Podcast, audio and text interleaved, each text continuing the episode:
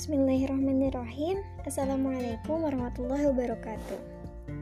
Perkenalkan, nama saya Finisteni Dalam kesempatan ini, saya akan mencoba review kembali materi tahsin yang telah disampaikan Gurunda Ministrasi Mungkin sebagian sudah pada tahu ya, tahsin itu apa?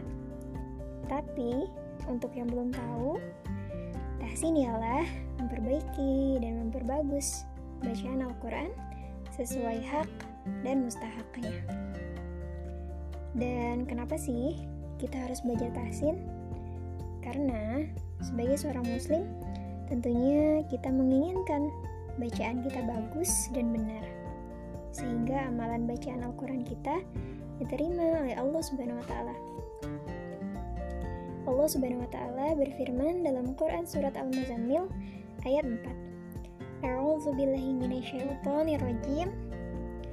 Warattilil Qur'ana tartilan. Yang artinya, membacalah Al-Qur'an dengan tartil. Tartil berarti membaca Al-Qur'an secara perlahan dengan tajwid dan makhraj yang jelas dan benar. Jadi, sudah kewajiban kita untuk terus belajar agar bacaan Al-Quran kita tartil. Nah, teman-teman, saat belajar membaca Al-Quran, yuk kenali dulu kesalahan-kesalahan umum dalam membaca Al-Quran. Yang pertama, panjang, pendeknya, eh, yang kadang tidak sesuai. Yang kedua, vokal yang tidak sesuai atau tidak sempurna. Yang ketiga, penahanan suara atau gunah yang kurang tepat. Dan yang terakhir, huruf-huruf yang seharusnya tidak dipantulkan, tapi justru dipantulkan. Nah, itulah empat kesalahan umum dalam membaca Al-Quran. Setelah kita tahu kesalahan-kesalahan umum tersebut, tentu kita bisa lebih berhati-hati saat membaca Al-Quran dan lebih berusaha lagi untuk menghindari kesalahan-kesalahan tadi. Nah, sekian pembahasan atau review kali ini kita sambung lagi di podcast selanjutnya teman-teman. Uh, dan semoga ada kebaikan yang bisa diambil dari podcast kali ini. Amin ya robbal alamin. Uh, terima kasih teman-teman. Assalamualaikum warahmatullahi wabarakatuh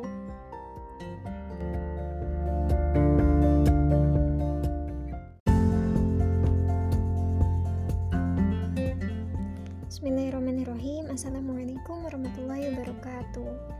Perkenalkan, nama saya Finisteni. Dan untuk kesempatan kali ini Saya akan melanjutkan materi di podcast sebelumnya. Mengenai review materi tahsin Yang diajarkan gurunda kami Misrasi Untuk kali ini, materi yang akan saya bahas adalah mengenai sifatul huruf hijaiyah sesuai haknya Sifatul huruf hijaiyah sesuai haknya dibagi menjadi beberapa kategori. Dilihat dari segi keluarnya nafas, dibagi menjadi dua. Yang pertama, hamas, yaitu keluar nafas. Saat mengucapkan huruf-hurufnya, disertai dengan keluar nafas. Huruf-hurufnya ialah faha, faha, syakhsun, sakatah. Jadi saat kita mengucapkan huruf-huruf tersebut, uh, kita mengucapkannya disertai dengan keluarnya nafas. Fa, fa, ha, ha, sa, sa, ha, ha, sha, kha, sa, sa, ka, ta. Nah itu untuk uh, huruf-huruf hamas. Dan yang kedua, dilihat dari segi keluarnya nafas atau tidak, hmm, ialah ada juga jahar. Jahar itu kebalikan dari hamas, yakni tidak keluar nafas. Huruf-hurufnya adalah sisa dari huruf hamas. Oke, dilihat dari segi suara dibagi menjadi tiga.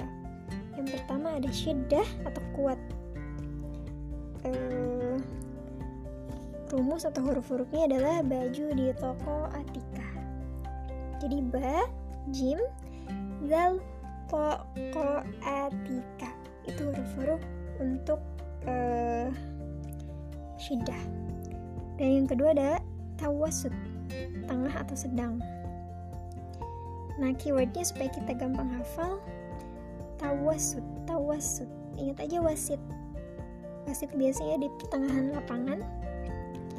Itu bisa memudahkan kita untuk mengingat uh, huruf-huruf atau tawasud ini. Huruf-hurufnya adalah Umarlin. Huruf-hurufnya ada empat. Ain, Mim, Ro, Lam, Nun. Umarlin. Oke, dan yang terakhir dilihat dari segi suara ialah rohwah. Rohwah itu lembut atau halus. Keywordnya adalah roh, rohwah, rohwah, roh. Berarti roh halus, lembut. Itu keywordnya untuk lebih mempermudah mengingat mengenai rohwa ini. Huruf-hurufnya adalah sisa dari huruf syiddah, juga huruf tawasud. Dilihat dari segi mengangkat atau tidaknya, mengangkat atau tidak mengangkat pangkal lidah. Ada dua, yang pertama isti'la, yang kedua istifal. Isti'la ini ialah yang mengangkat pangkal lidah saat kita mengucapkan huruf-hurufnya. Dan huruf-hurufnya ialah soto, do zo gha khak so to do zo gha kha qa nah itu huruf-huruf untuk isti'ala yang mengangkat pangkal lidah. Dan yang untuk tidak mengangkat pangkal lidah disebut dengan istifal keywordnya istifal fal fal kalau dalam bahasa Inggris fal atau fall itu jatuh Nah ini mempermudah kita untuk mengingat bahwa istighfal itu jatuh, berarti tidak mengangkat pangkal lidah. Tentu huruf-hurufnya adalah sisa dari huruf istirala. Oke, untuk selanjutnya dilihat dari segi lengkatnya lidah dibagi menjadi dua.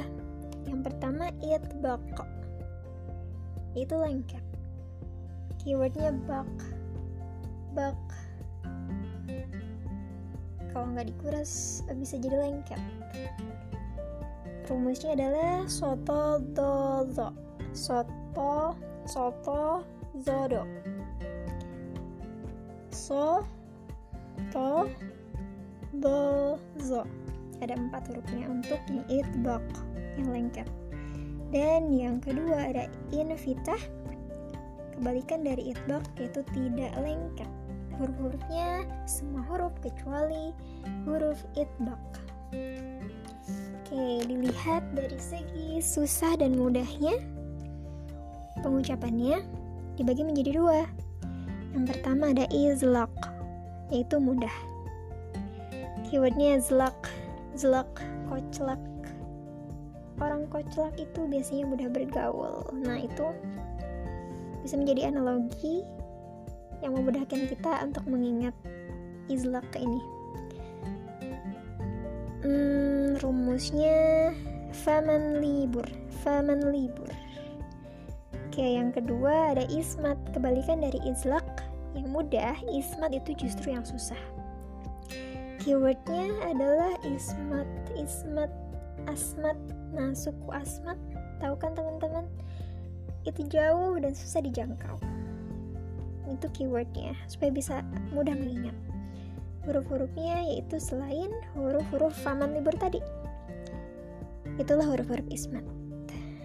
Nah teman-teman itulah materi sifatul huruf hijaiyah sesuai hak-haknya. Hmm, mohon maaf apabila ada kesalahan. Sekian review materi kali ini. Semoga ada kebaikan yang bisa diambil Makasih atas waktunya teman-teman. Wassalamualaikum warahmatullahi wabarakatuh.